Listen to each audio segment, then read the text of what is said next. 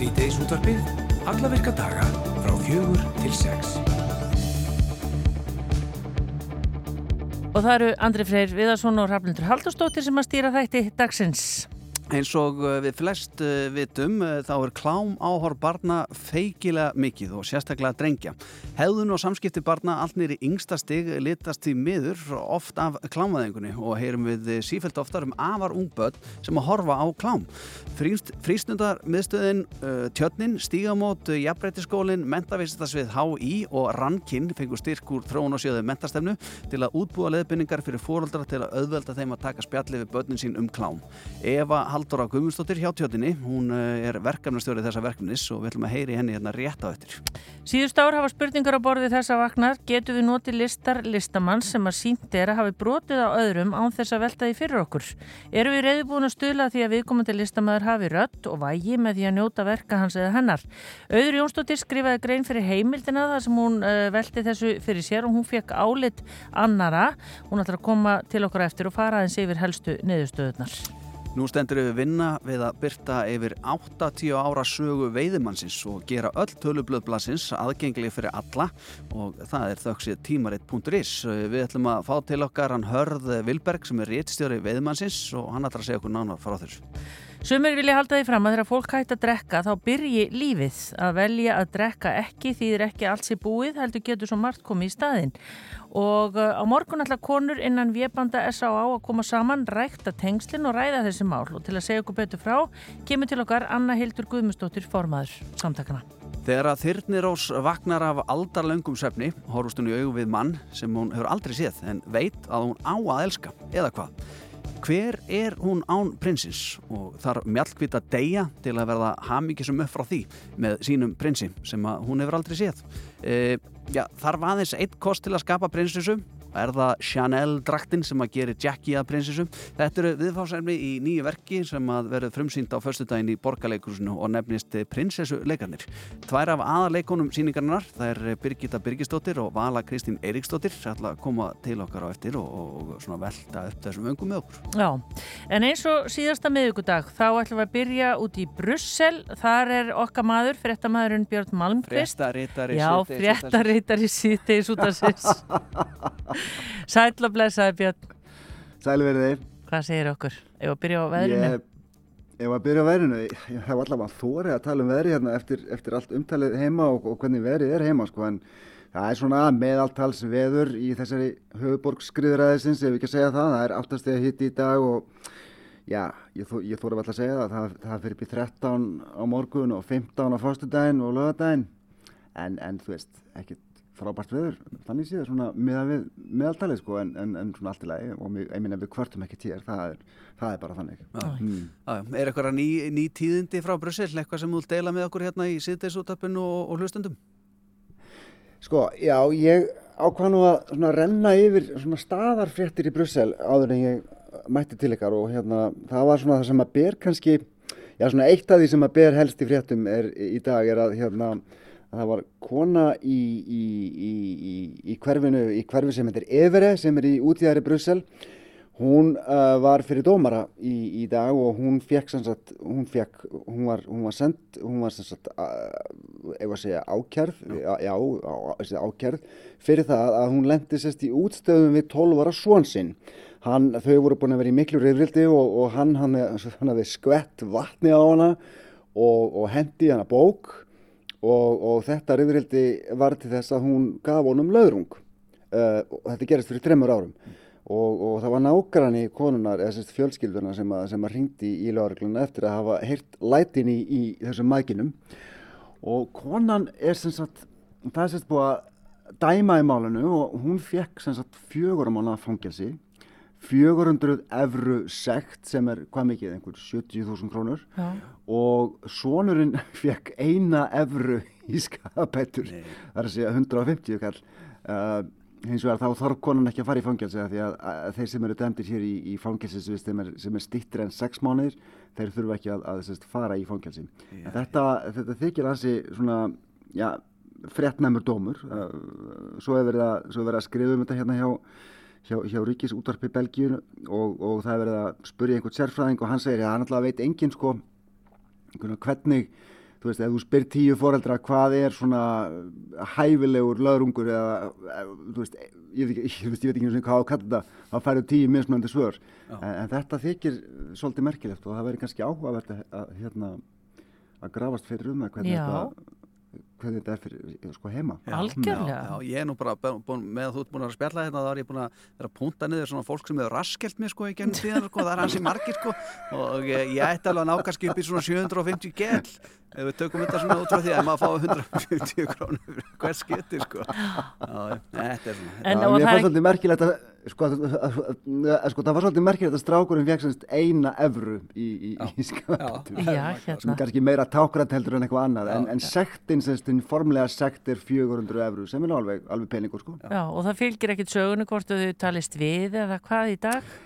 Nei, það fylgir nú ekki sögunni. Ég ætla að vona að þau hafi nú sæst og, og, og hérna, þetta sé nú svona hjá, svona, svona hjá liðið í, í fjölskyldunni. Ég menna það, fólk gerir ímislegt í hita leiksins. Það má alveg, það má alveg færi rauk fyrir því að, að hérna, konan hefði átt að, að lögrunga svon sinn en það má líka segja að hann átti ekki að sk- skvetta á hana vatni og hendi hérna bók. Nei. Þannig að það hefur eitthvað gengið á og, og hérna, þetta er nú kannski bara eitthvað sem að, hérna, var til þess að þau, þau sættust betur og, og, og hérna, lifa sátt saman í dag. Við skulum allavega vona það. Já. Ertu búin að fá þig belgiska vöflur? Nei, veistu það, ég er, ekki, ég er búin að vera hérna í hvað halva mánuð og ég er ekki ennþá búin að fá mig vöflu. Það er, það er bara mjög góð ábending. Herðu, nú fer ég bara inn í bæ einhvern tíman og, og hérna með upptökutæki og fæ mig vöflu. Ekki Lýsi því bara svona í beitni. Algjör. Hvernig væri það? Laka, mikið til og, og uh, við erum nú ekki, ætlum ekki alveg að sleppa þess strax bjött því að við ætlum að halda aðeins áfram að spjalla við hérna rétt á eftir uh, því að ef mér skjáttast ekki þá tókst þú er smá göngutúr hérna, um hverfin í, í Brussel uh, fyrir í dag og, við ætlum að heyra aðeins því, af því hérna rétt á eftir Já, við erum svo heppin að vera ennþá með okkar fréttarittara í Brussel, Björn Malmqvist hjá okkur sem að talar einmitt frá Brussel og í síðustu viku þá vorum við að ræða með hann um Íslendinga félagið í Brussel og, mér skýrst að þú Björn hafa nú kafað enn dýbra í það mál. Jú, það er rétt. Eh, Ég talaði semst við konu sem heitir Stella Vestmann, hún er náttúrulega frá Íslandi, hún er búin að búa hér í nokkur ár með sinni fjölskyldu. Hún er ekki aðeins fórseti Íslendinga félagsins hérna, hún fer líka með fólk í labbitúra um hverfin í Brussel. Það er að meðal um Evrópu hverfi þar sem ég er statu núna. Ég hitt hana í gær hjá byggingu framkvæmdastjórnar Evrópusambandsins, það er risastort hús hérna sem kallast Berlaymont og þar var einu svonni nunnuklaustur en það er lítið sem að minnir á það í dag.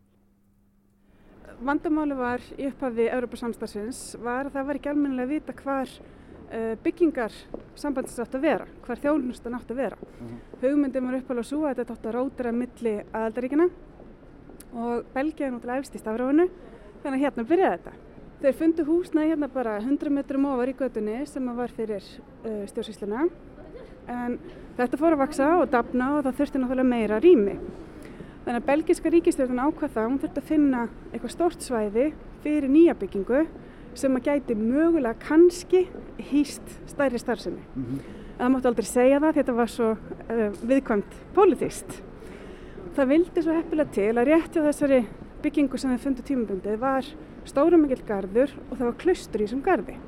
Þetta voru frekar efnaða nunnur sem áttu og ráku þetta klaustur, héttu Berlimont nunnurnar og þær sömdu við belgisku ríkistjórnum um það að láta þetta land af hendi til þess að byggja risastóra skrifstofubyggingu. sem við stöndum við mitt undir núna í frekar leiðilegu veðri í, í, í Brussel, það er rigning og frekar kallt.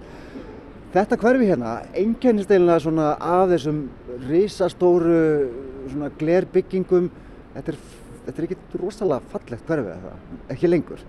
Ekki lengur en þetta á sér skemmtilega sögu sem er líka svolítið belgisk. Belgar eru ekki mikið að skipulegja hlutina, þeir eru ekkert eins og þjóðverjar nágranna sínu. Þetta gerist svolítið afslappað og þegar að þetta hverfi var í uppbyggingu, það var að vera að breyta þessu úr íbúðakverfi yfir í skrifstofusæði, þá voru reglugerðir í, í, hérna, í, sem voru þá á þeim tíma og þetta voru kallaðar lífræna reglugerðir af því að það er meir og minna heimiluðu eh, byggingaverktökum að haga framkvæmdum eins og þeim síndist.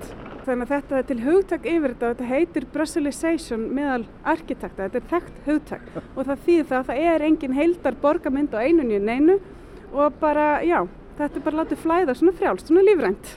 Er þið löpum inn á stað? Við ætlum að lappa nýri hérna, nýri, Leopoldgarðin en mér langaði til að spyrja þér svona leiðinni. Sko, þú ert núverandi og fráfarandi formaður Íslandingafélagsins í, í Brussel eða, eða sérst, í Belgíu kannski allir eða hvað? Já, já, í Belgíu allri og, og það er fórseti. Og fyrir ekki að það er til fórseti að sjálfsögðu, ég byrst innvírulega afsökunar. En sko, er þetta stert félag? Já, þetta er mjög öflugt félag. Það er náttúrulega auðvitað hafði COVID sitt að segja en við vorum með þorrablót núna í byrjun februar sem er á hverju ári. Ég held að þetta sé bara með stærstu þorrablótum sem Íslandingafélög halda á erlendri grundu. Hvað voru margir? Við vorum með metfjölda í ár, það voru 140 gestir og, Ég- og það er að vera um svona 60% eh, Íslandingar og 40% erlendi gestir. Og ég frétti að það hefur uppselt. Já, það seldist upp á mettíma, það var aldrei selst upp svona rætt, þannig að við endum á því að bæta við auka 20 miðum. En hvað búa heldur margir Íslandingar hérna í Brussel og nákrenni svona aðallu í öfnum?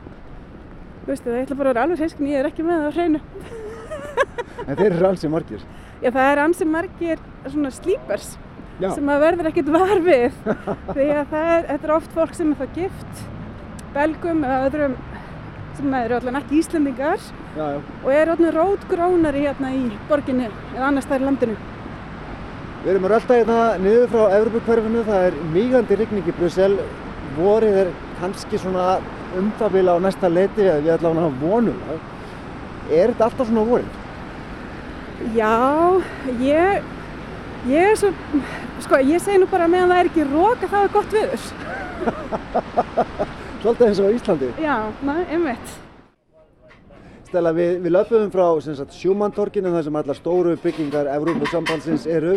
Núna erum við stödd hérna á Luxemburgartorkinu sem er ekkert langt í burtu. Það er markaður í gangi hérna og fullt af mannlífi. Þetta hverfið hérna í kringum, þetta er svolítið sérstætt hverfið ekki satt. Jú, mikið rétt. Þetta er gamla Leopold hverfið. Þetta er það hverfið þar sem að fólk sem einhvern penning átti settist að eftir sjálfstæði Belgíu 1830. Og Leopold var kongur, eða ekki satt? Jú, fyrsti konungur belga. Já.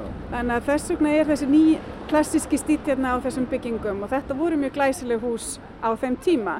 En það sem einmitt á þessum stað þar sem við stöndum núna á Luxemburgatorginu, kannski svolítið sérkennilegt að þegar Belgia er nýlega orðað sjálfstæðið ríki að þeir nefni torg eftir Luxemburg sem Já. var ekki partur af Belgíu á þessum tíma. Nákvæmlega. Heldur að þá var það þannig að Belgia var með fyrstu löndum á eftir Englandi til þess að innvæðast. Og hér voru fyrstu járbreytateinarnir lagðir og það var, voru teinar sem er tengdu hérna Brussel við Luxemburg. Og þess vegna heitir torgið Place Luxemburg. Þannig að hérna-. Þannig að hérna tók maður lestur þetta Luxemburgar. Til þess mikla metropóls, já. Núna er þetta svona svolítið party place, það er fullt af börum inn á veitingastöðum og einmitt eins og við erum stödd í núna bara markaður hérna sem að sem að mér finnst nú bara mjög stál, alveg stránkæður að halda hérna í þessu veðri. Já, þeir gefa okkur Íslandingum ekkert eftir, við getum ekki þótt vera mjög hörð þegar maður sér þetta. Já, hér er einmitt mikið líf og sérstaklega á fimmtudögum, að þá er eins og margir kalla þetta pluggstorki, þá íðar þetta af júrókrötum sem að koma hingað og fá sér ostrur og kampavín og sérstaklega gott veður. Og þá er þetta alveg frábærlega skemmtilega staði til að koma og upplifa kannski þessa júrókrata stemmingu sem að hérna er. Sem að allir vilja kannski. Já, þetta, þetta er eitthvað sem allir eru með á bucketlistanum sínum, ger ég ráð fyrir. En ef maður ætlar að hafa sagt komið til Brussel, þá þarf maður að hafa séð ólíkar liðar, af því að Brussel er mjög margþætt. Það er annars vegar gamli miðbæðakjarnin, þar sem er svona gömul saga og hefðir um, sjást betur og svo er það Evrópakjarnin og svo er það Afrikukverfið Matonge Sem er ekki langt í burtu. sem er bara hérna akkurat við hliðina á okkur og það er náttúrulega öll Kongo-sagan sem að tengir Brussel og Kongo og það er, það er allt annar vingill að þessu öllu saman. Allt annar og kannski vinkill sem að Belgía er ekki rosalega stolt af en við kannski látum staðan um hér og kannski höldum við áfram einhvern tímann aftur með, með, með sögu Brussel. Stella, þakka þér kjærlega fyrir. Takk fyrir. Og hérna rétt á eftir þá komumst að því hvernig í óskupunum við höfum að taka samtalið við yngstu börnin okkar um klám.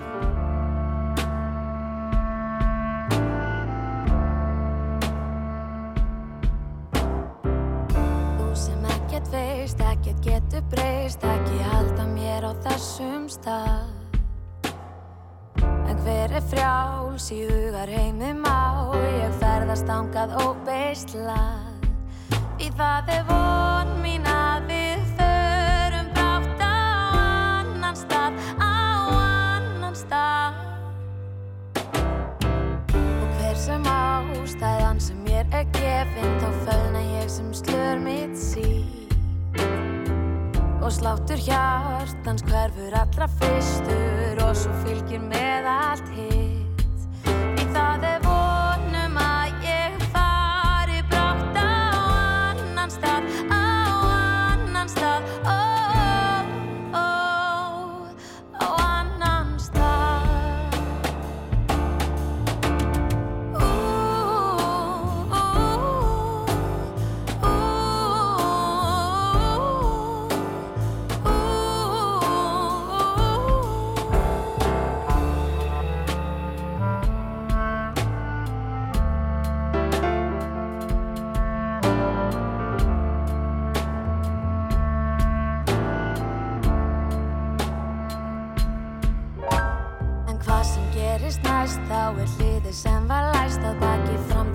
og skrifað blað. Og frelsi sem ég þrái veit ég finn það hjá þér. Við dansum inn í nóttina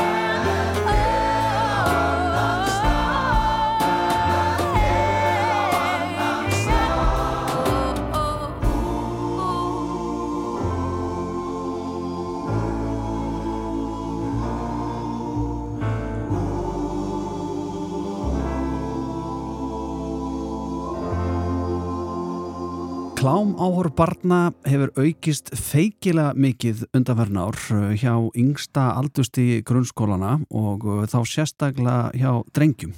Þetta er mikið áhugjefni en sem betur fer fekk uh, frístundamiðstöð tjarnarinnar, stígamót, jafnbrettiskólinn, mentavistas við HÍ og rankin styrk úr þróunarsjóði mentastefnu til að búið til leiðbynningar fyrir fóruldra til að auðvöldaðum að taka spjallið við börnin sín um klám. Blessunlega segja margir að, að loksins séu leiðbynningarnar lendar og við erum svo heppin að vera með Efu Halldóru Guðmundsdóttur uh, sem er uh, já, starfandi hjá tjörninni og er verkefnastöður verkefnisins á línunni. Sæla blessuða. Hæ, hæ. Hvernig uh, já, útbúið þið leiðbynningar fyrir fóruldra til að taka þetta erfiða samtal við börnin sín? það er rosalega stór og góð spurning. Eh, Þessi hugmynd byrjar í raun og veru bara út af því að það er útrúlega mikil eh, svona vendun eftir alls konar fræðsluefni fyrir foreldra um þessi efni. Það sem er líka klám er svona nýtt á nálinni eins og við þekkjum það í dag þó svo að þessi hægt að reykja sögu kláms langt eftir í aldir að þá er kannski þetta aðgengi eitthvað sem er rosalega nýtt fyrir okkur. Um, þannig að verður bara til þessi hugmynd um að, heyra í fóröldurum bara hvernig myndir þið vilja sjá þetta. Þannig að við sótum um styrk um að halda bæði, þú veist, rínihópa með bara fóröldurum, uh, barna og úlinga á einsum skólastögum uh, og svo úr því að vinna efni bara eftir þarfum fóreldra. Þannig að við fengum háskólan í, í samstarfið okkur og við heldum rínihópa með fullta fóreldrum sem var æðislegt. Uh, þar sem að þau dildu bara með okkur bæði áhyggjum, þú veist, hvað það er sem að þeim finnst erfiðast og uh, svo bara unnum við upp úr því alls konar, þú veist, þetta er náttúrulega gáttu ekki gert allt sem okkur langaði til að gera, en við unnum þessar uh, leðbynningar sem eru núna inn á heimasíðu stígamóta. Já, og er þetta hugsað bara, hvað ég að segja, maður og manna, foreldri setjast niður með barninu sínu og farið yfir þetta svona með þessum hætti, eða hvernig er þetta hugsað?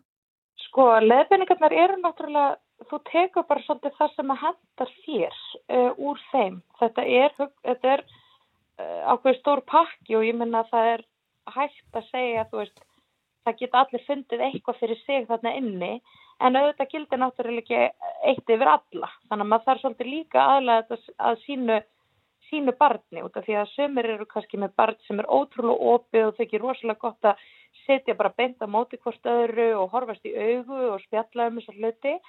Öðrum finnst það erfiðara og þá er kannski bara tilvalið að veist, vera að spila Mario Kart saman í Nintendo Switch og britta upp á bara eitthvað svona Herri, ég var nú að lesa hérna greinum bla bla bla, skiluru, þú veist, þannig að maður byrja á þessu á léttunótunum og sluðs, en svo er þetta náttúrulega aldrei bara eitthvað eitt spjall, þetta er eitthvað sem við þurfum svolítið að vera á tánum með bæði grípa umræðu eins og ef við sittum við sjónvarpið og eitthvað eh, sena kemur upp í sjónvarstætti, er gott að grípa tækifærið og, og, þú veist, byrja umræðina, en svo náttúrulega líka vera bara að tala reglulega um þetta út af því að það sem að rannsóknir benda til og eru vísbendingar um að, að þegar mikil klámneisla hefst á unga aldri þá getur myndast ákveðin svona hugmyndum hvað kynlíf er og hvernig það lítur út að stunda kynlíf sem að langt flestir sem hafa stunda kynlíf í einhver tíma vita að er ekkert alveg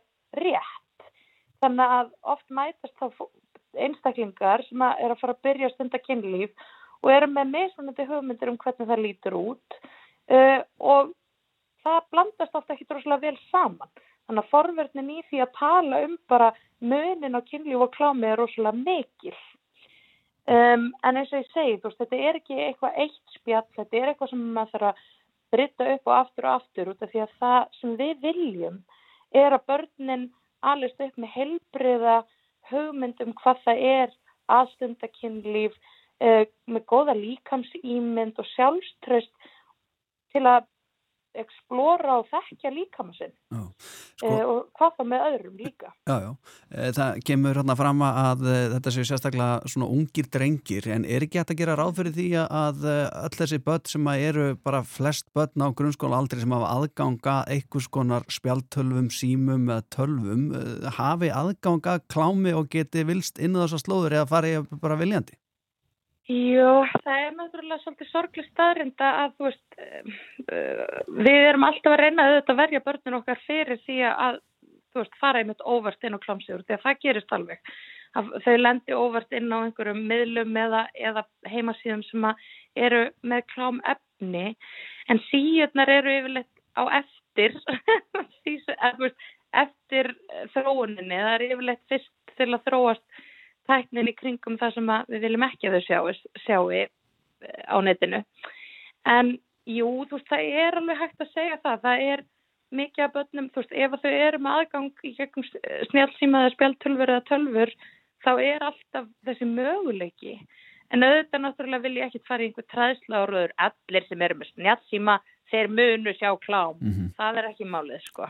Eh, en hins vegar er alveg verðum að svolítið að vera meðvitaður um, um leið og bann fær eitthvað tæki í hendunar sem veitir þeim aðgengi að einhverju, þá er alltaf þessu möguleiki fyrir hendi og sömulegis aðgengi að barninu, þú veist, ef að barninu með uh, samfélagsmiðla eða leiki sem þau eru að spila á netinu eða eitthvað svolítið, þá er alltaf ákveða aðgengi að barninu líka. Hvort sem að það er auðlýsingar fyrir einhverja síður, einhverjir sem að aðilar sem eru á sömu miðlum eða, eða hvað það er, sko. Já, uh, bara rétt í lokinni ef að fyrir áhuga sama sem er að hlusta og vilja nú bara taka spjalli strax í dag með börnunum sínum, hver finnur fólkið upplýsingarnar? Bara farið inn á stígamót.is, uh, skástrygg klámspjall, uh, bara ekki með neinum íslenskum stöfum og þar getið bara svolítið skoða ykkur og fikra ykkur áfram og, og kynnt ykkur öfnið sem er þar inni. Eva Haldur á Kummustóttir hjá tjötninni, verkefnastjóri þessa, já þarfa verkefnist, takk kjærlega fyrir spjallið. Er leiðis. Þetta er Rástvö. Fyrst og fremst.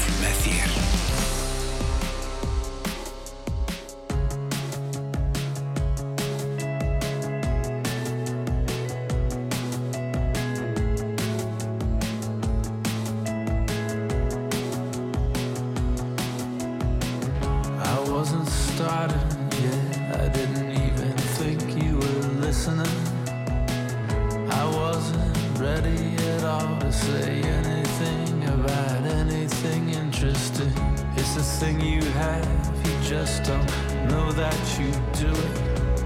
You wait around in a conversation while I get in and start stumbling through it. I was so distracted then, I didn't have it straight in my head. I didn't have my face on yet, or the role or the feel of where I was going with it all. I was suffering more than I let tropic morning news was on. There's nothing stopping me now from saying all the painful parts I'd lie. Got to my feet, feeling that I'd let you down.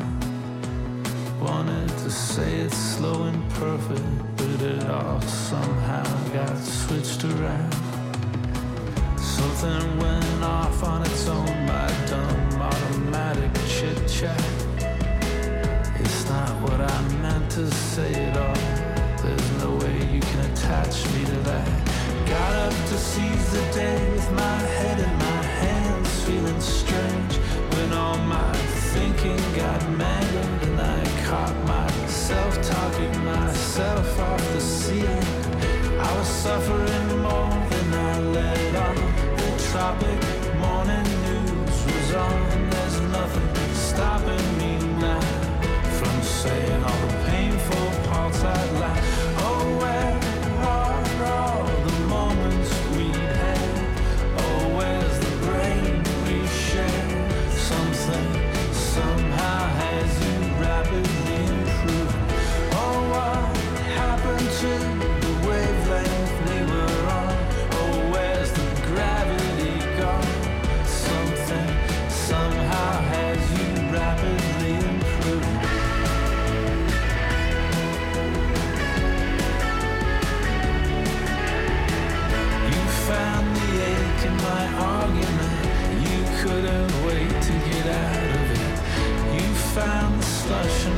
sentiment. You made it sound so intelligent. You can stop and start an athlete's heart. How do I feel about it? I would love to have nothing to do with it. I would like to move on and be through with it.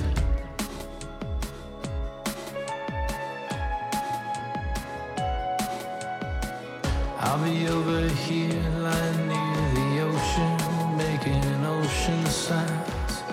Let me know if you can come over and work the controls for a while. I was so distracted then, I didn't have it straight in my head. I didn't have my face on yet, or the role or the feel of where I was going with it all. I was suffering more than I let on. The tropic morning news was on. There's nothing stopping me now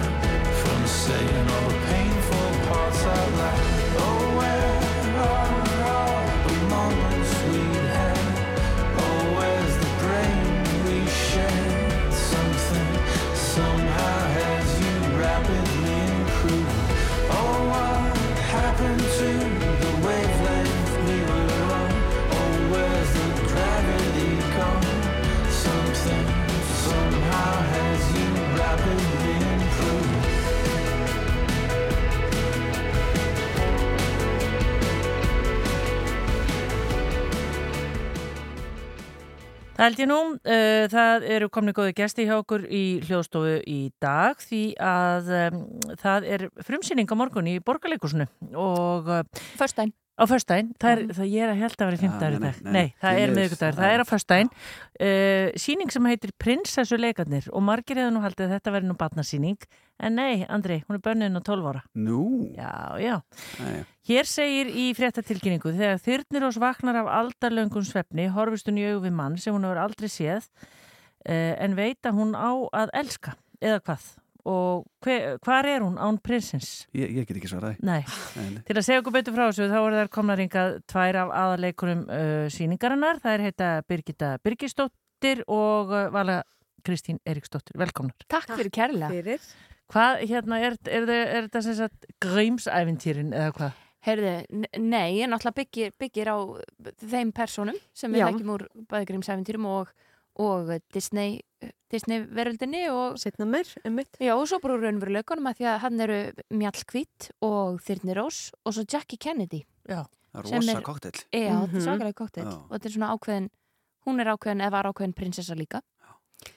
Og já. En einhver sagði með um daginn sko eins og mjallkvít að þá kom prinsinn og þurfti þá í rauninni að kissa lík. Já, Já, einmitt. einmitt. mm. Þú veist hvað? Já, hann var, hann var náttúrulega bara búin að eigna sér hana þegar hann sér líkið af Já, henni og verður hérna allar að giftast henni og ég man ekki að svona, það eru tvær sögur af því hvort, hvort að sko að því hún borðaði eplið að eplabitin hafi hrokki úr henni þegar dvergarnir mistu kistuna og hún hafi vaknað og svo líka einhver útgáfa þar sem að hann bara kissir hana og hún vaknar Já. og þau náttúrulega instantly verða ástfangin eða hún, hann vissi náttúrulega að hann ætlaði að eiga hana en hún bara verður ástfangin á honum og they lived happily ever after Af því að hver verður ekki ástfangin Já. af manni sem þú þekkir ekkert Já. Sem kissir þig Já, í svefni. Og þú veist þér henni ekki af því en þú vaknar bara, það stendur eitthvað greiði fyrir Já. Nýbúin að smetla á kossi, hann er rjóður í kinnan hann er bara skotin í henni. Þetta. Þetta er bara alltaf eðlilegt. En sko nú eru þið greinlega búin að vera að skoða svona alls konar svona prinsessur Já. uh, bæði sem að verið til í alvörni og, og, og teindar æfintyrum og sögum og svona Mhm. og þetta með eplabitan og dvergarna sem missa kistuna sem er svona, maður hugsa sér "Eh, það er voðalega krútlegt eitthvað, svo miklu klöfar og láni óláni og allt það. En hvor útgáfan væri svona hæfari fyrir árið 2023 að prinsinn kissana dána líkið, hún vaknar skotin eða það eru dvergar sem missa kistun Einmitt. þeir eru svo miklu klöfar Já, nákvæmlega. hvort væri svona meira Hvort væri... Já, Já, alltaf var ekki meira við en að dvergarnir myndi missa kistuna. Sennilega tvennu illu. Á á MeToo-tímum. Já, Já. einmitt, að því að, einmitt, að með dvergarna sko, ég fór að því ég er sérst að leika mjölkviti og hérna Augljóslega. sko, augljóslega og fór að hérna skoða aftur myndina þessa Disney mynd frá 1937 og ég hefði ekkert séð hana síðan ég var, þú veist, tíu ára eða eitthvað. Já, á að vera íslensk kona, fyrirmyndin. Já, fyrirmyndin er Einmitt. frá Siglufyrði. Einmitt.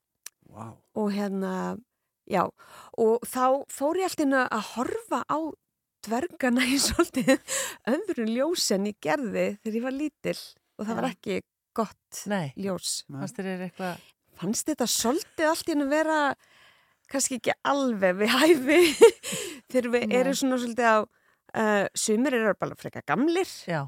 en verða allir rosalega skotnir í henni og finnst hún falleg og, og flott og by the way Mjallkvít er 12 ára Já. Já. Eða 14, það er svona líka svolítið mísætt hvað sagt er. Já, og Þyrnir Rós er 16. Já. Já, hérna. Þannig að þetta eru bara börn sko og það sem Já. að hún, Elfrída Jelinek, Nobelsveluna hafi, hérna skáldið, hún er ótrúlega mikið að hérna einhvern veginn að velta öllu þessu upp, skiluru, bara Mhm. hvað hérna, og náttúrulega líka hvernig við kjósum að tólka ég með svona torskilin texti og svona draumkendur einhvern veginn og er að velta upp öllu þessu bara hvað, hérna, hvað erum við búin að búa til úr þessum konum og í sumum tilfeikum bara börnum skilur þessi hugmyndum einhver, einhverja æsku og sakleysi og, og að vilja láta bjarga sér og, og svo er það hérna kemur prinsinn og kissið og ríði með þinn í sólsætriðin í kastalan og svo sjáum við ekkert meir skilur, við sjáum ekki þess að konur verða að fullorðinu fólki og, og takast áfinn eitt skilur þannig að þetta er svona þetta er svona mjög áhugaverðar vangaveltur um, um þetta allt Já, saman. og svo er þetta sko síkilt og gríðarlega vinsælt. Ég bara, ég meina, ég og barnabarn rýfur alltaf þessa bók fram með æfinturunum þessa. Já, Maður er að reyna hérna einhverjar uppeldis. Já. það er svona þingri bókmyndir. Nei, Já. það er alltaf þetta. sko, þetta. Þetta er náttúrulega, þetta býr í okkur einhvern veginn sem, sem einhver svona helgimynd eða einhver Já. En Kennedy, hvernig kemur hún inn í þetta? Já, hún kemur inn í þetta sem í rauninni bara svona hérna nútíma eða þannig prinsessa, hún náttúrulega hérna er ekkert án, án prinsessins hérna fórsetans og einhvern veginn hérna hvað, hver er staða hennar að því að svo deyr hann og hver er hennar staða sem kona í þessum heimi sem hún lifir í? Og það er svona, eru já, hún veldur upp bara mjög mörgum spurningum um bara stöðu konunar í karlægum heimi og hvað, uh, já, við þurfum að höfum þurft að díla við. Já. Þannig að prinsessuleikarnir er ekkert gamanleikri, þetta er graf alveg, eða hvað, hvernig? Já, hún, hún Sko, skrifa samt með, það er mikill húmor í tekstunum hennar, hann er mjög beittur og hún hefur einmitt sko, hérna höfundurinn Elfríði Jelnik hefur uh, verið svona þekkt fyrir tekstagerðina sína, Hva, hvernig hún notar tekstan uh, sem háð og Og, og, og það er mikill húmor í þessu þannig einhver starf bakvið en hann er líka mjög heimsbyggilegur og veldur upp mörgum spurningum. Og það er nú kannski það sem við vonumst til að fólk Já, komi á já. síninguna og spyrja spurninga. Einmitt og skinni og upplifi og hlægi og ég meina hérna við sko eins bara torrætt og heimsbyggilegt og ofta einhvern veginn svona grótest og sásokafullt og allar þess að pælinga geta verið að þá er sko, hefur allavega verið hægt að hafa okkur öll saman á æfingum að því að við liggjum í kasti bara, Já. okkur finnst allavega mjög fyndið og Mhm. mjög gaman já. Mhm. þannig að þetta er einhvers konar heimsbyggi húmor pólitískur, feminískur kokteill og, og mikið fyrir augað sko. Mhm. Og ekki þar nú að kynna bókmyndirnar fyrir áhorundur. Allir þekkja Nei, þetta. allir bara, já, já. að, Mhm. hérna, en einmitt, hérna, er ekki fyrir, ekki fyrir börn, kannski, Nei. eins og, En hver er annar á sviðinu? Eða þú veist, hver eru hinir leikararnir? að þurfum við eitthvað að fara að tala Nei. það, er náttúrulega aðlega við vala Jú Nei, hún Solveig Arnars leikur Jackie og hérna, ég, Vala, Vala Kristín, leik Þyrnirós og Birgitta Mjallkviti og svo er það hérna Jörundur Ragnarsson og Bergur Þór Ingólfsson sem að leika prinsinn og veiðimannin. og svona er svolítið í hlutverkinu að segja okkur prinsessonum hvernig við eigum að hafa okkur og hvað við eigum að hugsa og gera. Dásamlegt alveg. Ekki fyrir börn yngri en 12 ára, Nei, en þau sem eru 12 ára þau munu samt tengja og jafnvel eh, kveikna okkur um perum. Það verður bara komið ljós. Já. Já. Já. En uh, hérna, jú, sjálfsagt kveikja einhverjum perum, sko. Mhm. En þetta er bara, Það er nú markmiðið með leikusið ekki? jú. Þetta er frumsýnd hvar á förstu daginn í hvað sal? Á nýja sviðinu. Nýja sviðinu í borgarleikusinu Mhm. og er allt tilbúið. Er þetta nú er það að fara æfingu? Já, já, við hérna erum bara núna. að fara aðeins eftir tíu mínútur. Og er það næst síðasta eða þar næst síðasta æfing? Já.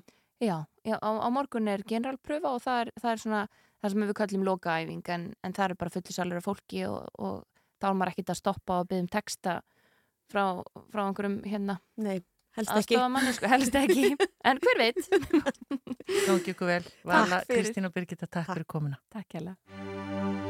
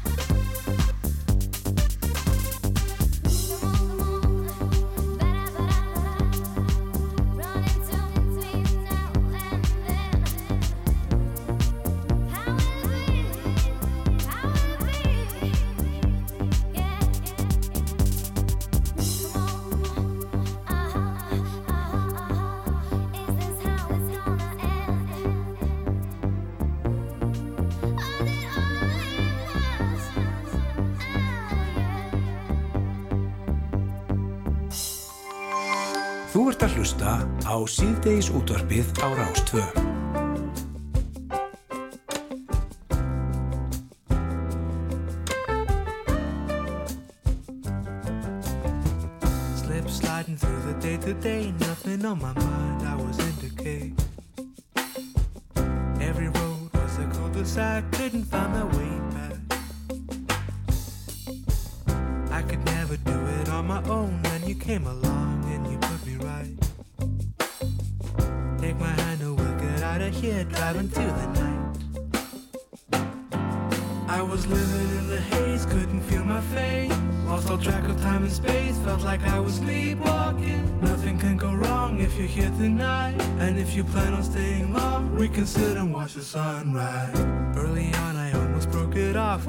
My cynical ways. Those days without the sight of you left me with malaise.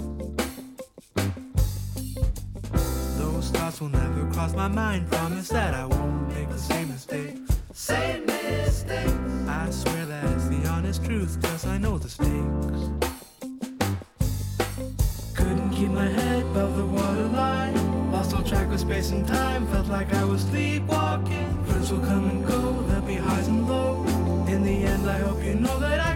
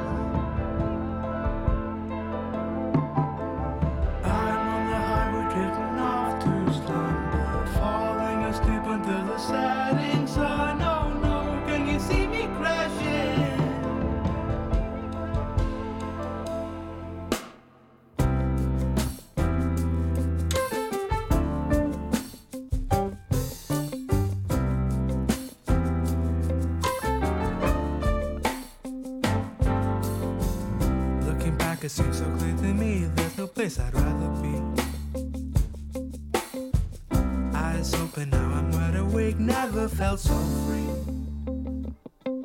I was living in the haze,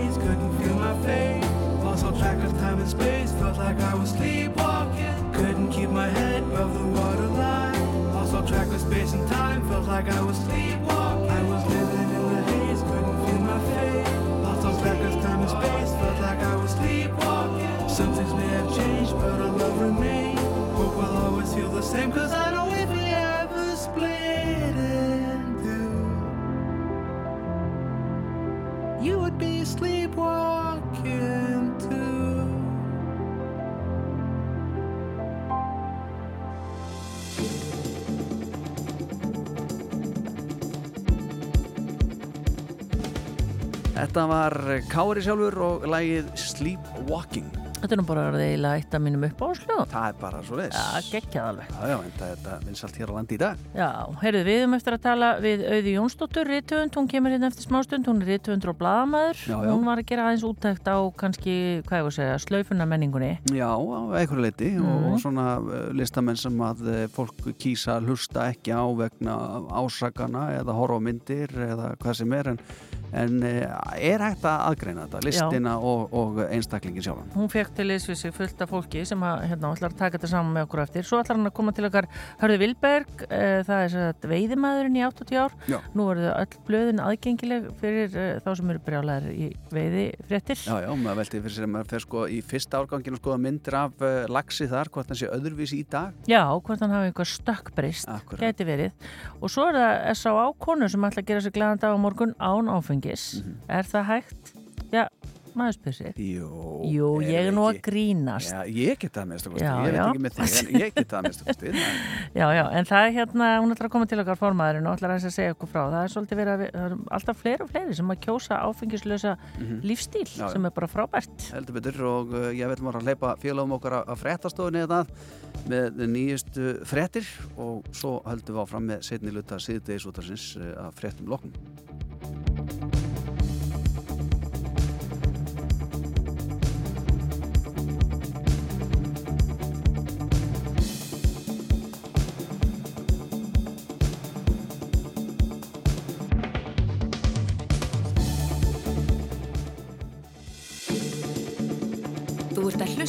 Á síðdeis útvarfið á Rástvöð.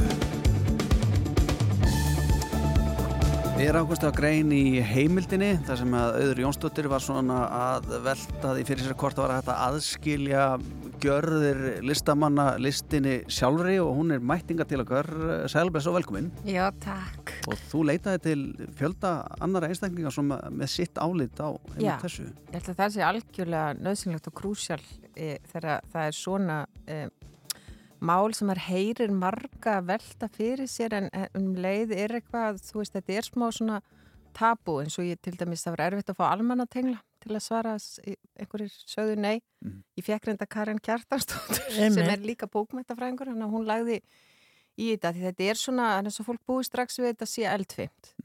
En þetta er kannski breytt þessum málum sem er svo áhugavert að ræða sko því við þurfum einhvern veginn að taka afstöð og finna hvað okkur finnst um það og, og hvað við erum að pæla og vera svolítið hlusta á ólík sjónarhótt líka. Já. Það var einhver sem sagði við mig hérna, góðu maður að, að það var engin lykt af list. Og það er svolítið hérna svona sem er peninga, peningar eru út um allt, þeir eru skítugir eða notaði til góðra verka eða þú veist, listin er einhvern veginn, hún flæður út um allt í, í alls konar myndum og þannig að það er líka, þú veist, hvernig list eru að tala um á hvaða tíma, e, þú veist, ætlum að velta eins og eitt talar um hérna, ætlum við að fara að velta fyrir okkur hvað Strindberg gerði þegar við skoðum bókmæntasöguna og, og þú veist, hérna, og, og hvernig eru við að taka kannski list úr einhverju samhengi, listaverk getur verið mjög gott á margan hátt, e, hvernig horfum við á það, Já. er það samfélagsins ákveða þú veist hvað hérna hæf, eða góð list eða ekki eða, eða sko það er ekkert sem að við höfum ekkert vottorð upp á að allt sem svona er samfélagslega sáttum sé endilega rétta Mhm. þú veist við, við getum tekið eitthvað ef við taka bara eitthvað ræðilegt dystopíst samfélag og það útskúvar alls konar list í nafni samfélagsins er það endilega það réttast að kakvart listinni Mhm. En sko, svo er, er, það er svona oft verið að takast á einmitt um þetta eh, varandi lifandi listamenn sem að eh, hafa gert eitthvað af sér og svo eru aðri sem hafa verið ásakar um að hafa gert eitthvað af sér og fólk svona, nú, nú er ég hættur að horfa á kvipmyndir eftir þennan, uh, ég ætla ekki að hlusta á tónlist eftir þennan, ég ætla ekki að lesa bók eftir þennan, en þeir sem eru löngu farnir og dánir, Mhm. er ekki minna pælt í því og Jú, það er kannski verra fólk líka eða hvað? Já, sko, það er þarna kona sem er eh, prófessor í félagsfræði sem segir í þessari grein sko einmitt að við verðum svolítið að setja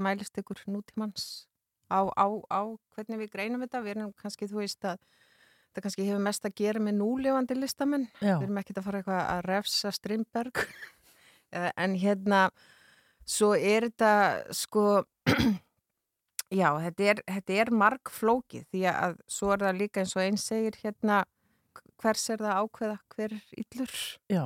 og er, er líka eru afgerandi sannanir fyrir einhverju eða eru aðdróttanir eða, eða sko þegar við í raunin erum á þannig tímum að ein grein getur eðilagt höfundaverk, æfiverk e, listamanns og bara sópaði út og En ef þetta er ódöðlega list, þá kannski lifur hún það af, þá kannski ef hún á erindi á einhvern hátt, þá, þá lifur hún það af. Þú talar þarna við eh, fólk eins og bara Pál Baldvin sem að nefnir þarna að þú ert með Karin, Kjartan, Karin Kjartans eins og nefnir líka. Uh, finnst þér eitthvað svona rauður þráður í gegnum það sem að eh, þínir viðmælendur sögðu? Já, það er svona, þetta er svolítið persónubundið og ég held að fólk vilja ekki heldur láta sko skipa sér fyrir eða þú veist að megi hlusta á þetta en ekki þetta og, og þetta, þetta sé svona það verði að gefa einstaklingnum frelsi og hitta svona þetta er ekki valirinn, þetta er meira svona eins og geta, þú veist, að geta bara ekki lengur horta út í allen þó því langi til þess þú ert ekki beinlega að ákveða, þú bara hættir að horfa á hann Já, eða kemur inn í hóp og sér, ég sá, var ég myndi að rifja upp, ég var að horfa í gera og svo gömlu góðu mynd hérna út í allen. Þú, fólk myndi kannski ekki gera það. Nei, mjög, það, þú veist, fólk nefnir það svona bara, ég bara, þú veist, mér langar að kannski að dansa við Michael Jackson en ég gera það ekki, eða ég bara, þú veist, það missir, það er, það er ekki ákvörðun það meira svona eins og bara fólk það getur verið kannski í í orði, þú veist, haft hugmyndur um að bara listin hafi sinn tilveru rétt og, og hérna það er svolítið tilfenginni sem ég fæ en svo kannski er það bara hvað einstaklingnum svona líður vel með að, að hérna og það er annað list, ef við tekum bara tónlist eða ritlist eða bíómyndir að, að þú veist, þú ert náttúrulega inn í hugar heimi listamannsins þannig að hvernig líður mann í dag að vera inn í hugar heimi Róman Polanski Einmitt. eða Mhm. huga, eða þú veist, þú ert inn í ha- hans Já. hvötum og fýsnum og lífsín Já, en þú segir hérna Michael Jackson, þú veist, það er eflust fjölmarkir eh, einstaklingar úti þegar þegar á að taka pallinni gegnum í bústað þá er fengið sér eitt hélaðan og það er hlustað á Michael Jackson, en sami einstaklingar myndi aldrei setja Gary Glitter á. Þetta er einmitt sem er komið inn á, þú veist, einhver sem segir bara, þú veist, en þú veist, ég er líka hræstnari, þú veist, ég er ekki að hlusta á þetta en svo er ég kannski að, þú veist, lesa þetta eða, eða öfugt. Þannig að það er og eins og og það talaði mitt líka eh, hérna, doktor í heimsbyggjan hann, eh, Henry Alexander Einmitt. talar um þetta, þú veist, það kemur þetta rosalega mál uh, upp um Michael, með Michael Jackson en svo bara eftir smá tíma er, eru allir farnar að digga sér við Michael Jackson aftur. Já. Já. Og svo líka sem skemmtilegt sem Karin kemur með, með Jackson 5, hún segir, þú veist, en ok, kannski boykotta Michael Jackson á ég líka boykotta Jackson 5 það sem bara eitthvað badd sem hefur ennþá ekki gert. Einmitt. Já, já. Þannig að þú veist, það er ekkert að fara með því endalvisa. Já, já, og svo eins og hann nefnir sko upp í bústað, þá gerir þú eitthvað, kannski einn upp í bústað og getur hlusta á eitthvað, það myndir aldrei segja frá því. Nei, þú myndir ekki, og já, það er einmitt þetta, sko, þessir tímar, við vorum að tala um þetta hérna áðan, Mhm. Já. Þessi tímar þar sem að sko er hægt að fylgjast með atverðliðinu rafræn. Einmitt, þú að sko þú- lokkar inn á Spotify og velur, já. Já. Þá sér eitthvað hvað þetta að hlusta á. Sér eitthvað hvað Já. þetta hlusta og þú getur bara verið smánaður og slöfaður. En þá getur gert þetta þínu eigin, eigin prífasíði bara í gegnum YouTube. Já. Þá sér ekki hvað þetta að horfa á þar. Já, mitt, það er. Og þannig er þetta kannski eitthvað leiti eitthvað svona síndamerki af fólki sem að vill vera betra en, en næsti maður. Ég veit ekki, þetta getur verið svona bara, þú veist, eins og ég borð ekki kjöt eða ég, hérna, þú veist, eitthvað heita þetta, ég flýð ekki með flugvelum. Ég, hérna, Er ekki ekki að hlusta á. Mm. já, listamenn sem hafa misbóðið siðferðiskend samfélagsmís eða eitthvað, þú veist, það, það er bara, en það er kannski, þú veist, hitt svo hvort við fyrum að smána aðra fyrir að innbyrða list, hérna, þú veist, hver, hversu langt næri þetta, þú veist, eins og ég sá einhvern Facebook status um einhvern sem hefði alltaf bara aldrei að tala við neitt aftur eða eitthvað á þá leið sem fór á einhverju tónlinga og einhver veðuguð eða eitthvað, þú veist, hversu langt ætlum við í, í þessu? Já.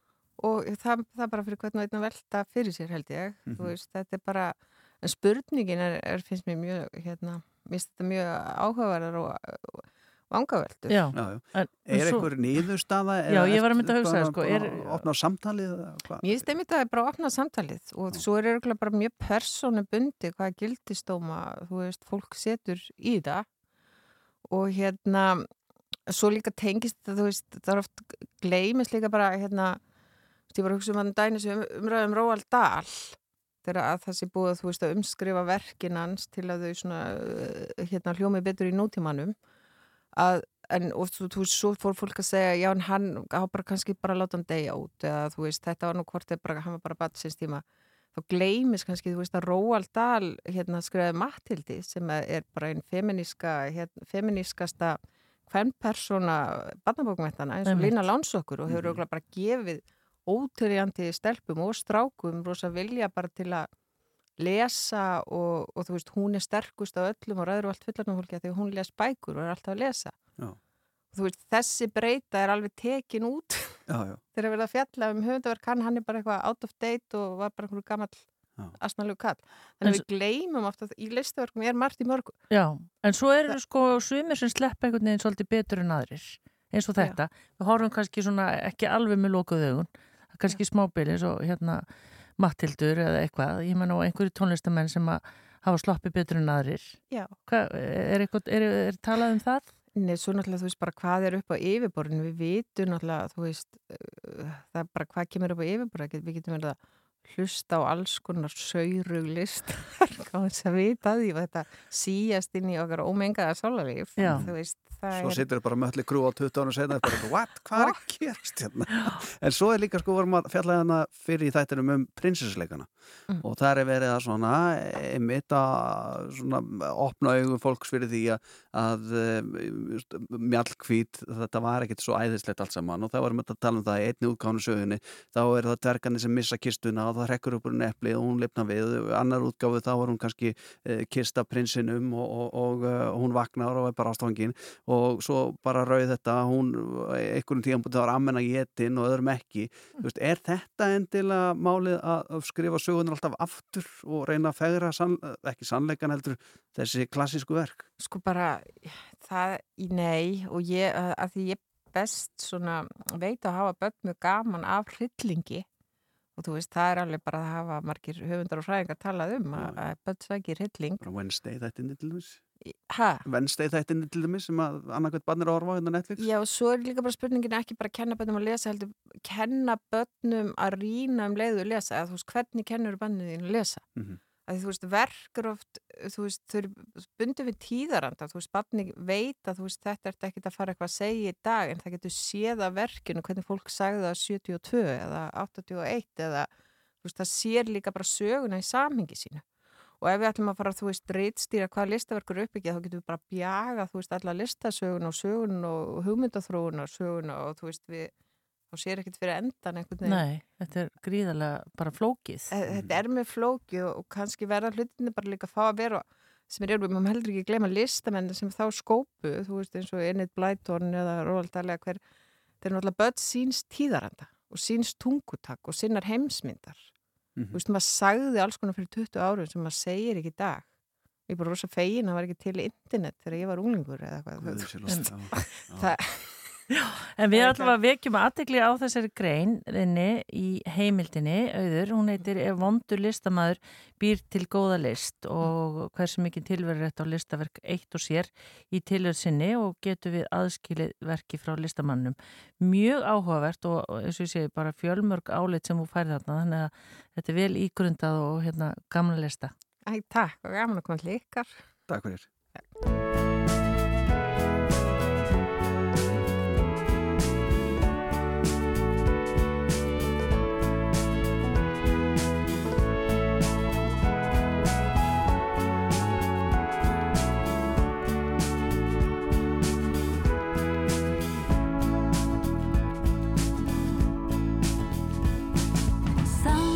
okkar skildi eftir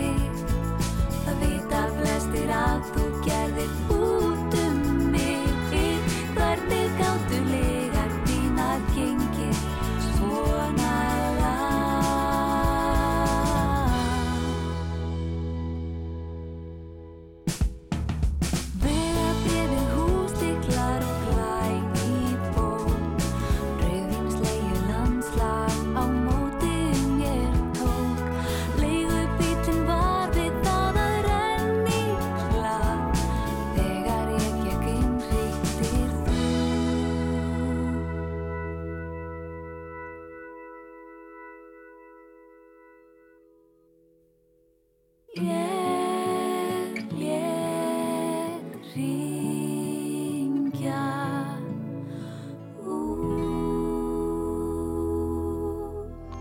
Síðdegis útvarpið. Málefni líðandi stundar. Frá fjögur til sex á Rástvöðu. Það er komið að veðrinu. Jæja, Rafnildur Haldarsdóttir, ég saði við Gunnudís hérna í gær að uh, það þýtti ekkert að spyrja hann um páskaveðrið. Kemur með það er, nú er svo stutt í páskanum. Það er ekkert þetta að segja um þetta páska við Af hverju getum við alltaf talað um jólaveðrið tveimur mánuðin fyrir jólaveðrið? Eða ringt þú í Hvernig það einar er, hvort það sé rauð, rauða hvítjól við vitum það bara í ágúst. Já. en svo eru tvær vikur í páska og maður bara veist, getur ekki eins og sko voga sér að spyrja um þetta. Ég ætla í laumi, að morgun að ringi Einar Sveinbjörnsson eða einhvern veit hvort þið geti gefið mér einhverja vísbendingu. Endilega. En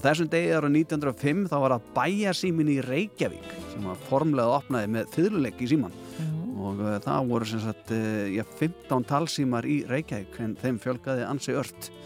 Ég mann símanúmer eða með á mér. Já, ég líka, ég maður mitt Hvað var þitt? 4, 3, 3, 4 Fjórir, þrýr, þrýr, fjórir. Mm. Fjórir, fjórir, já með fjórir, fjórir, níu, sex, níu. Það er ógæslega lág Það er fimm Já, svo svæðisnúmer allar ringi mér sko. Já, svo breytist það aftur í 5-5 á Já, undan. já. En það var lengi vel þetta, 4-4-9-6-9 Já. En hjá þér fjórir? 3, 3, 4 Já. Ógæslega lett að muna. Svo, svo þegar maður var reykja að ringja heim þá var það 9, 7 Já, já. 4, 3, 3, 4 Svo kom 4, 1 Já, kom betur 4, 1 3, lengti það eins Svo var þetta alltaf bara 4, 7, 4 Það var það fullflóki fyrir mig. Men hvað var sími hjá Helga? Hann var 12, 5 Nei, Helgi flytur 12 ára austur Þannig að það, hann var ekki með svona fjárhastæðanumur uh, Óheppin En uh, sko, svo meira sem gerast þessum degi Því ég var að tala hérna um aðan að uh, það er alltaf verið að væli veðri í dag að Það er svo svakalega kalt sko. Þessum degi árið 1962 og frosti í Möðrundal á fjöllum það mældist í mínus 33 gráðum Hvað er það? það eru mínus 33 Það er rosalega og þarna er ekki reiknað inn rakastig og vindur með sko. Þetta er slagað upp í bara 60, mínus 60 gráður sko. oh. og þetta var sko mesta, mesta frost sem mælst, mældist hefði síðan bara frost á ytrin mikli árið 1918 Já. Og uh, svo nú ágætt að segja frá því líka að uh, já, árið 1983 þá uh, nær, næri lága að, að herrflugvel og, og þóta frá Arnaflug rækjust, rækjust á skamt frá Vestmannheim og já, það er sem sagt herrflugvelin að þið farið þá yfir sitt tildæmna svæði.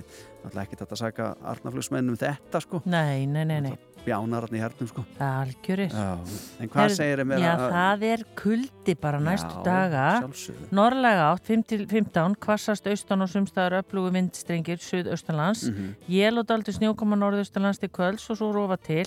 Annars verður léttskeið, bara sama veður og veður hefur á hinnum helmingi landsins eða á öðrum helmingum landsins. Heldur hægari vindur og yfirleitt bjart verður á morgun. Jél austanlands og fyrir að snjóa þar seintu kvöldið. Frosti 3 til 16 stig. Ég endur tek 3 til 16 stig. Kaldast í innsveitum á norðausturlandi svo hlánar siðst á morgun. Svo voru þeir eitthvað að lofa því að það myndi hlýna svona undir helgi. Jú það er rétt að hlýnar aðeins á lögadag en uh, svo kólnar aftur. Já. það er aftur komið 2-13 stig á sunnudag og, og mánudag og ég veit ekki hvað. Já, hérna. Oh. En þú getur ekki, Ramldur, verið Mhm. bæði að kvarta við því að það sé ekki að það renna sér á skýðum og Mm. það sé okkall. Já, nú til dæmis finnst mér bara, jú, jú, það er opið í bláfyllum og Ok, víðar, um, ok. já, já, já, já, en það er aldrei kall Já. og það er að vera vel klættur. Já, já, já. já. Það er ekki að fá allt. Nei, við viljum að tala eftir nokkra myndur um veiði Einmitt. og sögur af veiði. Já, við ætlum að hlusta hérna, ég held að sé bara viðandi að hlusta hérna haustpeisulegði 2022. Það heitir Ég er klár og þetta er, eh, já, okkar allra besti Prins Pólo og, og Hyrðin. Sumarið búið, hauslöst á köplum, djöfull var gaman, þrjú tonn af töflum, drullu góð saman, nóttin var laung, úrað ofan í berjan og klukkan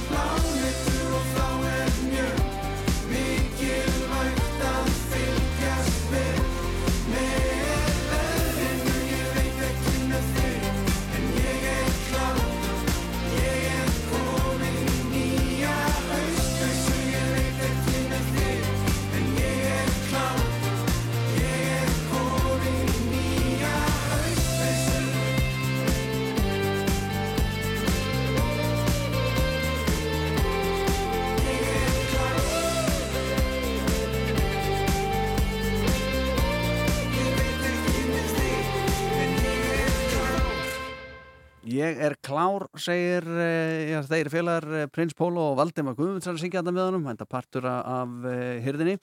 En uh, við erum komin með splunkunýtt Já, tímarit. það er að finnur lyktina, Ég það er svona ný lykt af Ég þessu. elska þessa lykt. Já, þetta er sem sagt, já, hva- hvort kallar þetta tímarit eða bók? Þetta er eins og bók. Já, þetta er, þetta er eins og bók. Sko. Já, en þetta er sem sagt málgagn stangveiði manna og heitir veiðimaður og við erum hérna með sem sagt eitt eintak í pappír. Tvö.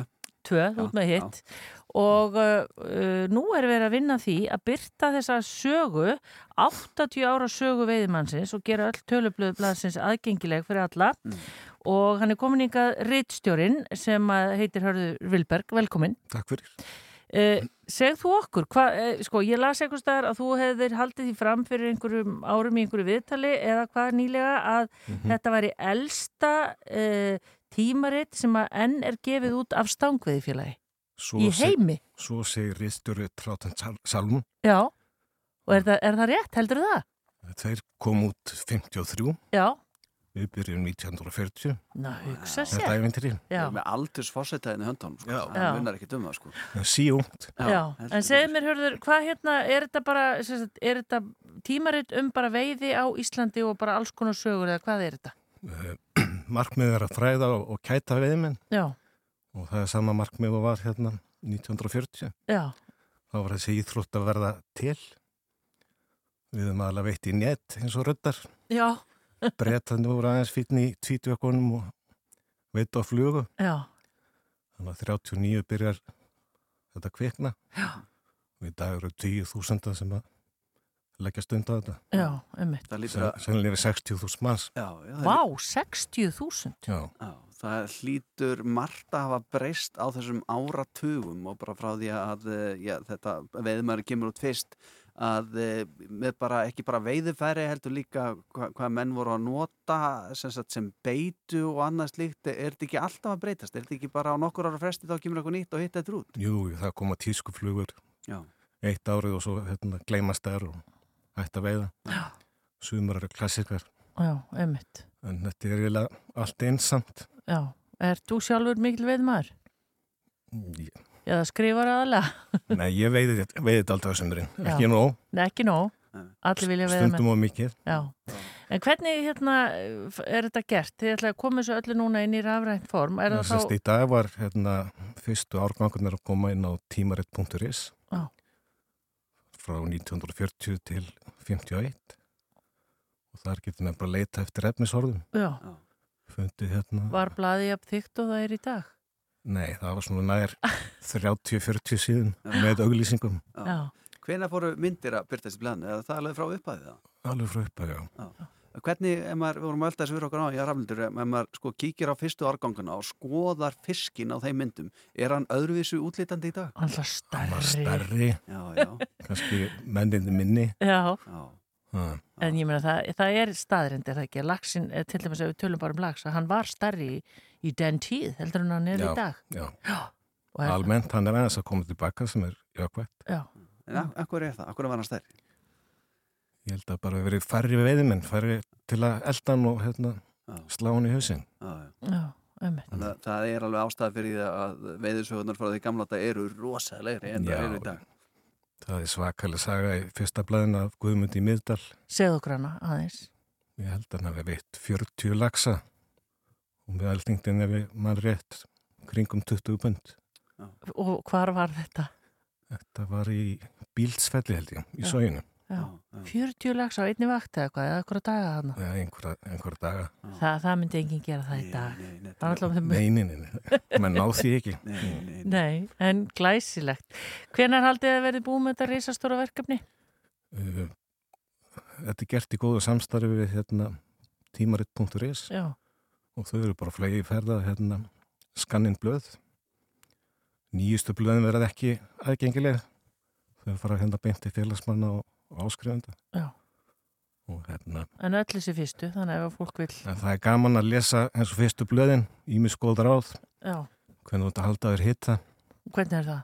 tróða pappir innundi jakkan og hvernig þú ert að bera feit á línuna þegar þú kemur heim og, og hvernig þú ert að hérna, leggja múrstein í vatn til að fá ánamaðkana rauða.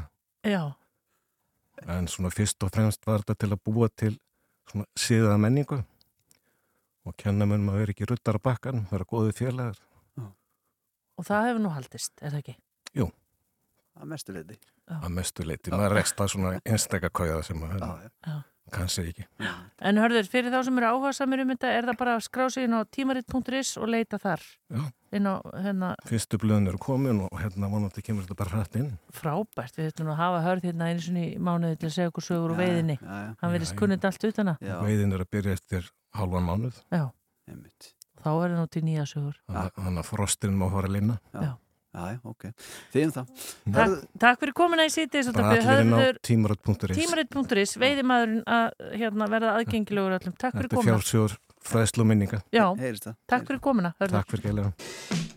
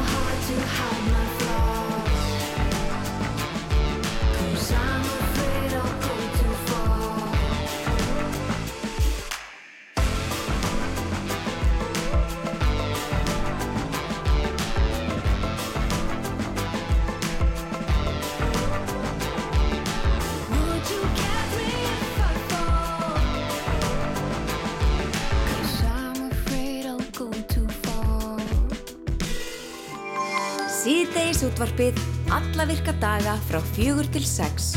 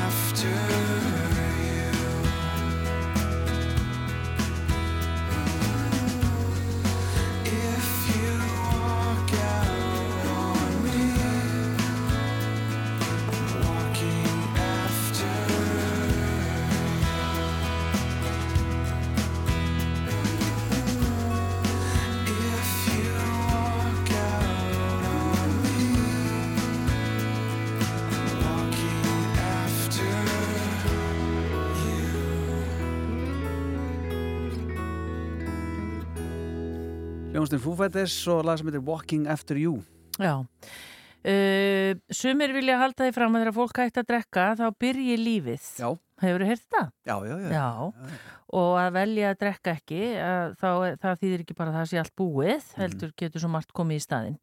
Á morgunu ætla konur innan viðbanda S.A.A. að koma saman, það er að vísur með kall veislustjóra, sem er nú svo oft sko, en þá að ræða þessi mál og bara svona hittast og hafa gaman. Já, Hún fyrir er ekki að láta konu vera veislistöri í bóði þar sem að konur er að hafa gaman. Er það, er það ekki, er það ekki svona Já, ég veit það ekki. Anna Hildur Guðmundsdóttir formaður S.A.A. velkomin. Já, takk hjá fyrir. Er þetta eitthvað sem þið eru að leggja svolítið áherslu á? Að, að, hérna, það eru að eru bara hættir að drekka Já, e, og, og það er val auðvitað. Já, og það sem við erum kannski að gera núna er að vekja eftirtækt sko á þessum, þessum, þessum lífstíl, af því að það er auðvitað eitt að hætta að drekka og fara í meðferð og svo er það það sem kemur eftir á og það er þessi áfengislausi lífstíl í raun sko, sem Já. að maður er þá að velja sér og þetta var gert í fyrra að vera með svona konubóð og, hérna, og ákoma að prófa og það gekk svona rosalega vel þannig að við ætlum bara að endur taka leikinn og, og kannski svona bara þjætta fólk saman sko því að oft heldur fólk það að þegar að, að maður hættir að drekka að þá sé lífið búið Já. það sé ekki tækt að hafa gaman En á ég að segja þér að það er einn saga hérna sem að sko einn sem vinnur með okkur hérna mm -hmm.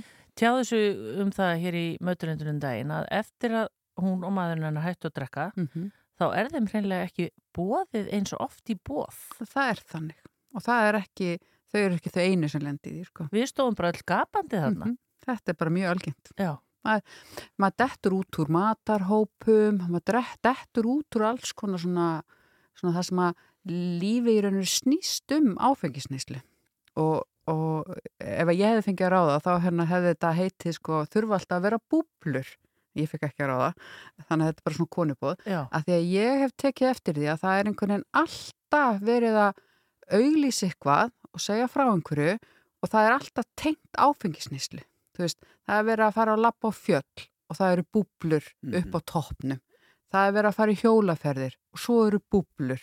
Veist, þannig að þetta er alltaf einhvern veginn rosalega sko stórt og mikið, þetta tekur svo mikið pláss Já. þegar maður í raun og veru hvernig að ég segja veist, það, það er svo gaman þegar maður hættir þessu af því að þá fyrst fer maður í álfurunni að njóta, Já. skilur við.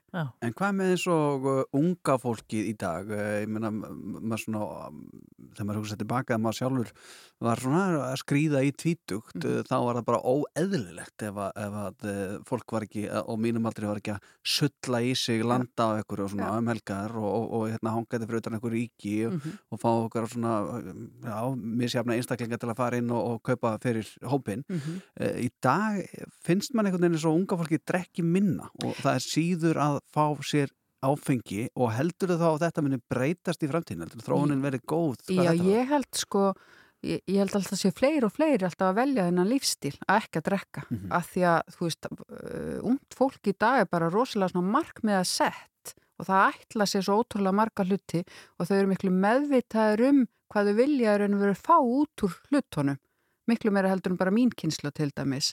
Þannig að ég, mér finnst miklu algengara, ég sé það bara nú á ég börn á þessum aldri ja, og ég sé þetta, þú veist, það er bara fullt af, af, af sem sagt, nú sé ég sko, krökkum, en Já. þetta er þetta ungt fólk, skilur, fullt af ungu fólki sem er að velja þetta og bara drekkur í hófi, þú veist, kann að fara vel með, en og finnst þetta í raun og veru ekki vera það sem skiptir mest máli, það er að fara að djamma um helgar. Mhm. Að því líka í dag er komin svo miklu valmöguleikar. Veist, þegar ég hætti að drekka á sínu tíma, þá bara var eina sem var í bóði var að veru að kaupa bara kók eða vatn eða djús. Mhm. Í dag ert að fá óafengar bjóra, þú ert að fá óafengar búblur, þú veist, í krónunni er bara svona einn rekki um valmöguleika, þannig að núna að koma í eitthvað partí eða einhverstað þar sem að maður er að- að hitta aðra, þá getur maður komið með sitt. Já, já. Maður var svolítið upp á vonu og Bíddu, verður eitthvað handa mér, á ég að kaupa bara Pepsi, þú veist, eða á ég að koma einhver djús, Mhm. en núna er þetta alltaf að verða meira og meira, þú veist, fólk vill fá eitthvað. Já. Og það er líka mér þess að í bóði í veislum í dag, þá er alltaf svona óáfengislaus bjór, Já. jafnvel í ykkur úrvali. Já, og, og, og þú veist, bara þegar að til dæmis uh, bjórin sem kom hann að bríu og þeir allir, þetta er náttúrulega að því að pilsnirinn er 2,25 Mhm. en þetta er al, fyrir neðan sko 0% nei Já. 0,5% Akkurat, það er þannig ekki að langt þetta er alveg áfengislaust tók ringin hérna um landi bara sullandi bjór allan ríkin sko Já. og bara hafði heldur gott sko já, já, en þetta er þetta er raun og veru þessi valmöguleiki Mhm. af því það er ekkit allir þó svo að þetta sé alltaf að allir drekki það er ekkit allir sem drekka Nei, en hvað, bara rétt en við heyrum að veislun á morgun eða partíinu, hvað hérna, hvað skilabóð áttu þá til fólk sem að hættir að bjóða vinum sínum í partí eða matabóð eða hvert sem er ef þau eru hætt að drekka? að bara bjóða þeim og vera þá með valmöguleika fyrir þau líka eða Já. þú veist spurja, þú veist, viljið þið koma með eitthvað eða Já, þetta er eitthvað svona feimni bara við ný, nýjar aðstæður Já, ég held líka bara ofta ef, að, ef einhverju vinnahopnum hættir að drekka býtu er þá verið að segja mér að ég hugsalega mögulega kannski eigi að því þau voru kannski bara að drekka alveg svo ég Mhm. en okkur þau hætt en þú veist, er þetta að segja æskilis, er skil og á ertu hugsalega þar er ég kannski að gera eitthvað í mínum málum, þú veist En að partíinu á morgun? Já. Hvað, hvernig? Eh, á, þetta er frá 57 og Katrin Jakobs kemur og ætlar að, að, að hennar aðeins ávorp okkur. Svo er Dóra Jóhans, uh, við erum með Alla Rúnar sem er, er hérna funda, nei hérna veistlustjóri. Atla Þór. Atla Þór fyrir göð. Já. Og svo kemur MC Gauti. Já. Og svo eru bara... Og þetta er ekki bara konur, eða hvað? Jú, þetta eru bara konur. bara, já. Hann, Hann- er ekki búin. Þeir, Nei, fá, láta þeir fá vinna bara. að mæta, Já, sko. já. að Entertaina okkur hinnum, sko. Akkurat, láta það vinna. Þeir eru þjónustu hlutverki. Og þarf ekkert að gera nema bara að mæta hérna í efsta liti? Já, bara mæta og vera glaðar og, og bara vera smá svona glaðningar og... Efla tengslaneti? Já, og bara hlæja saman. Já. Edru og flottar. Já. Glæsilegt, takk kjærlega fyrir kominninga Anna Hildur Guðmundsdóttir formaður S.A.A. og góða skemmtun. Takk kjærlega fyrir.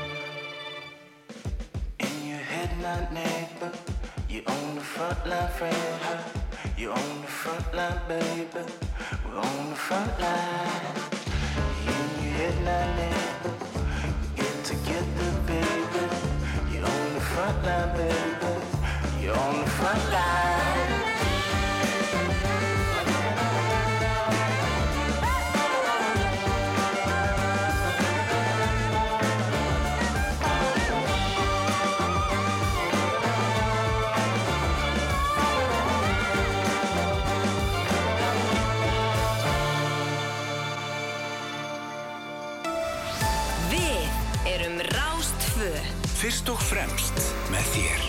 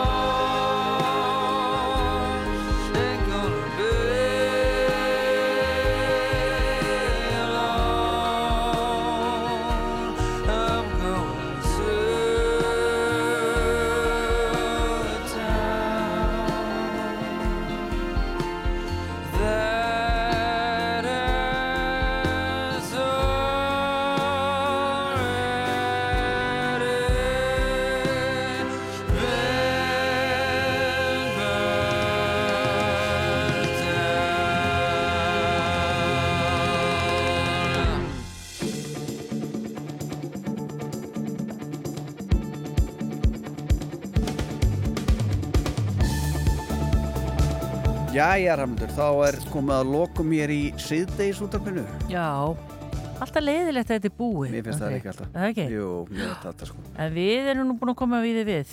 Ha, Já. víða við. Já, já, já. Við erum búin að tala um veiði Já. og hvernig fólk sem eru áhuga samt um veiðisögur að fara inn á tímarit.is Mhm, Við erum búin að tala um uh, prinsessur Já, Við erum búin að tala um áfengisneislu emitt, og ekki áfengisneislu emitt sem er, sem er góð. Já, já. Já. Við erum búin að tala um uh, Brussel. Við erum búin að tala um Brussel, Björn Malmqvist, sérlegu fréttareitar okkar. talaði frá Brussel með þessu og lappaði um borgina með þessu Emitt, og svo var það yfir Jónsdóttir og vorum að tala um, um hvað er, hvað kallum við þetta, slaufunamenning að einhverju leiti. Þú segir ekki frá kannski að þú hefði séð mynd með út í alveg eða Já, hvað? ég lokum, nei, ég myndi ekki ég, Nei. nei. en það myndi ekki horfa hana Nei, einmitt. Þannig sér þið, Já, já. og svo var það eitthvað meira, er það ekki? Jú, er miklu meira hræfndur og fólk sko er svo heppið að ef það saknar okkar mikið þá getur það bara farið inn á rú.is eða á appið og uh, hlustað á sitið svo töf sko. Það Heldur að sé einhver sem gerir það? fullt af fólki sko. Já, þegar það klikkar, þegar Já. þátturinn fyrir ekki inn það er allt vittlust í þjóðfælinu sko. vittlust sko. Herðu, en við ætlum að minna á kiljuna í kvöld. Já. Miðvíkudagur. Sumum finnst bara miðvíkudagur ekki vera miðvíkudagunum að horfa á kiljuna. Já. Þannig bara þannig. Þetta er svona með eh, eins og íþróttir, ég horf nú ekki mikið á íþróttir nema að sé eh, eitthvað svona stórmót eða Ísland er að keppa eða eitthvað Íslendingur að keppa, eitthvað grein eða eitthvað slíkt, þá maður með og hafa mikla skoðanur öllu saman. Eh, Svona svipa með bækur, nú les ég ekkit svakalega mikið, ég menna þú lest bara heila bók bara hérna á leiðinni í vinnuna og ekkert mál, hún er 600 Ég blaðsir. er fljóta lesa, ég lesa ekki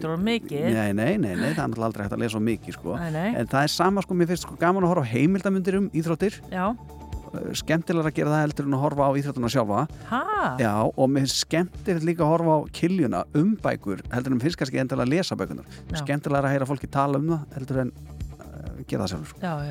Svipa með íþróttuna, sko, það er rosa gaman að horfa á heimildamindir um ég bara, og ég veit ekki um það sko. já, ég, er langt síðan og hort á einn slika, þetta er með eitthvað svona, svona nefna. skemmtilegi tennisættir á Netflix Já, já, já, já. og, hérna, og líka um Já. líka það sko Einmitt. skemmtilegt sko Herðu, en það er 50 ára morgun, Já.